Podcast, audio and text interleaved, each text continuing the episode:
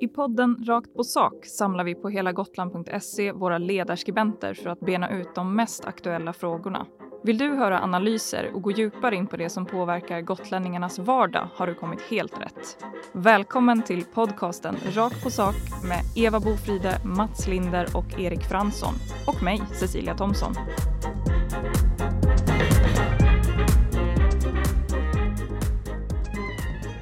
Nu vet vi ju säkert hur det gick i valet och det här tycker vi tål att diskuteras än mer. Och med mig här i studion har jag hela Gotland.ses ledarskribenter Eva Bofride som skriver på oberoende centerpartistisk sida, Mats Linder som skriver för oberoende moderat och Erik Fransson oberoende socialdemokratisk. Eh, och jag som programledare heter Cecilia Thomsson. När vi spelar in det här poddavsnittet på torsdagen så har vi ju inte klart för oss än hur Gotland kommer att eh, styras kommande mandatperiod. Hur tror ni att diskussionerna och förhandlingarna går? Och som jag ser det så, så ligger det här nu i händerna på Socialdemokraterna och Centerpartiet. Socialdemokraterna har alla skäl att hoppas på ett samarbete över blockgränsen. Annars får de ett helsike med att försöka styra ur en minoritetsställning med, med Sverigedemokraterna som vågmästare. Um, Centerpartiet kan väl se det här på lite olika sätt. Antingen kan de säga till mig Folin att lycka till, nu kan ni styra under, under samma förutsättningar som vi fick göra under den gångna mandatperioden. Men så finns det ju det här med att man kan få inflytande och att man också kan få poster och kommunalrådsposter och sådant. Så eh, jag, jag, jag vet inte hur Centern kommer att agera. Det blir spännande. Eva, du får väl vara Centerpartiets språkrör här i, i studion. Hur tror du att eh, Centern resonerar? Eh, jag håller med om att det är, det är väl lite mellan de två spåren som Mats har, att de tänker emellan. Men jag tycker också att det finns ju fler partier. Det finns ju inte bara Centerpartiet och eh, Socialdemokraterna. Det finns ju flera andra partier som eh, också är aktuella i, den här, i, det, i det sammanhanget. För Centerpartiet är ju det som gotlänningarna har röstat bort. Så det skulle vara lite, eh, lite konstigt om de skulle liksom hänga sig kvar vid makten bara för att man ska samarbeta, liksom, tycker jag. Erik, hur tror du att eh, Socialdemokraterna resonerar nu då? Ja, det, den, den som det visste. Men jag, jag, jag, tror att, att man letar brett till att börja med. Man försöker hitta samarbeten som man tror kan fungera. Uh, man är helt säkert ute och sonderar terrängen, i, även om man inte har ingått i direkta förhandlingar ännu. Uh, och man, man, letar väl efter, efter en, en, majoritet som skulle kunna styra på ett, på ett bra och säkert sätt under, under de kommande fyra åren. Men är inte Centerpartiet då liksom det som ligger närmst till hands, tror du? Det finns ju olika eh, sätt att se det på också. Eh, S och, C har ju rätt så fundamentalt olika åsikter när det gäller det här med, med privat välfärd. Eh, privat äldreomsorg eh, bland annat.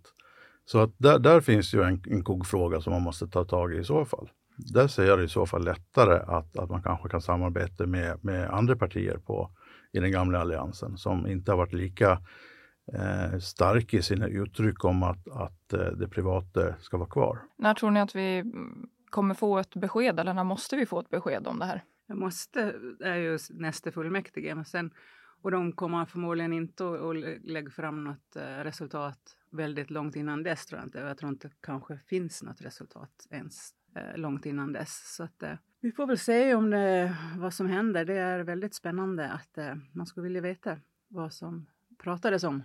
Det håller jag verkligen med om. Men jag får lugna mig ett tag till då, uppenbarligen. Eh, och innan nu den nya fullmäktige ens är på plats så vet vi att i alla fall två eh, ledamöter som har blivit invalda har valt att hoppa av.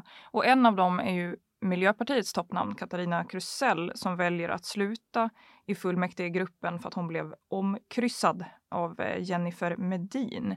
Är det rimligt att säga tack och hej? Jag hoppas att hon har bättre skäl än hon har angivit. Eh, ska säga. Det kan väl också vara så att det inte är så roligt att vara miljöpartist. Det gick inte så bra i valet. Eh, och eh, speciellt inte i, i regioner och kommuner. Miljöpartiet har ramlat ur över 30 kommunfullmäktige i, i landet. Eh, en stor andel också av regionfullmäktige har de också ramlat ur. Att det gick så hyggligt som det gjorde i, i, i riksdagsvalet beror väl på, på um, stödröster från folk som egentligen kanske sympatiserar med andra partier. Men den, den draghjälpen fick de ju inte i kommuner och regioner. Vad säger du Erik? Var det eh, rimligt att hon eh, hoppade av? Inte, inte av den anledningen som är angedd, eh, att, att de bara har blivit förbikryssade. Men, men Miljöpartiet har ju förändrats under de åren som jag har, har eh, varit nära den gotländska politiken.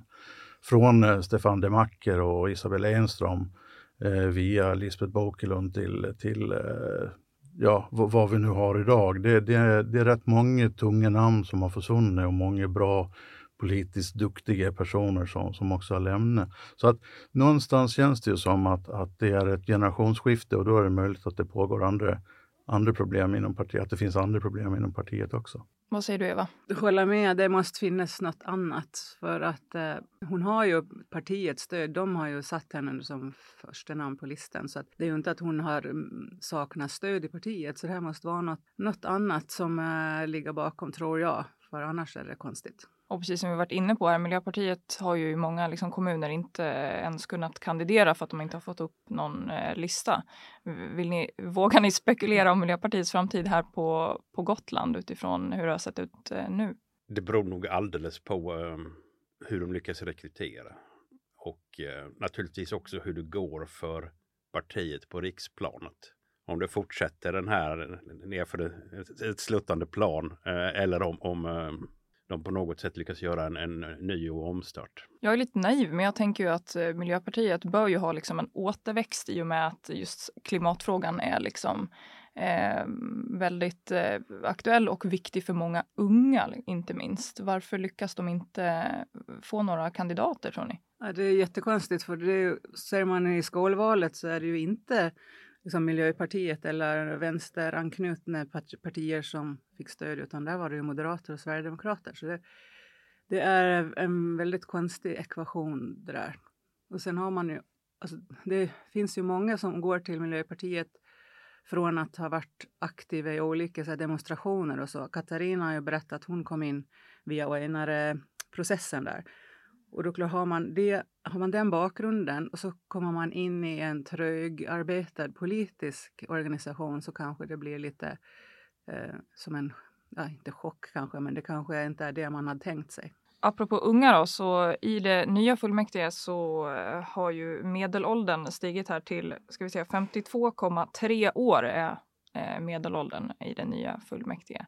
Är det ett eh, bekymmer på något sätt?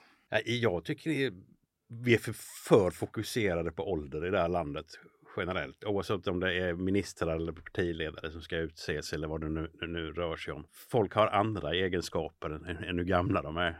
Det här är ju ett problem som, som har funnits länge, att, att ungdomar har svårt att ta sig in och när de väl kommer in så, så eh, lämnar de relativt fort också. Eh, på grund av olika anledningar. Eh, en av orsakerna till att det blev så här i år tror jag är att, att eh, de partier som brukar rekrytera unga har inte gått särskilt bra. Eh, Centerpartiet eh, brukar ju kunna få in någon, någon ungdom hit och dit. De har ju tappat rätt många mandat och, och när jag kollade igenom deras listor så var det mycket rutinerade personer som fanns kvar. Eh, de som har utvecklats mest är egentligen Sverigedemokraterna. Men, men, men där är ju frågan ifall det är klokt att byta ut samtliga utom en eh, när man redan tidigare blivit anklagad för att inte ha eh, tillräckligt bra kompetens för, för det politiska hantverket.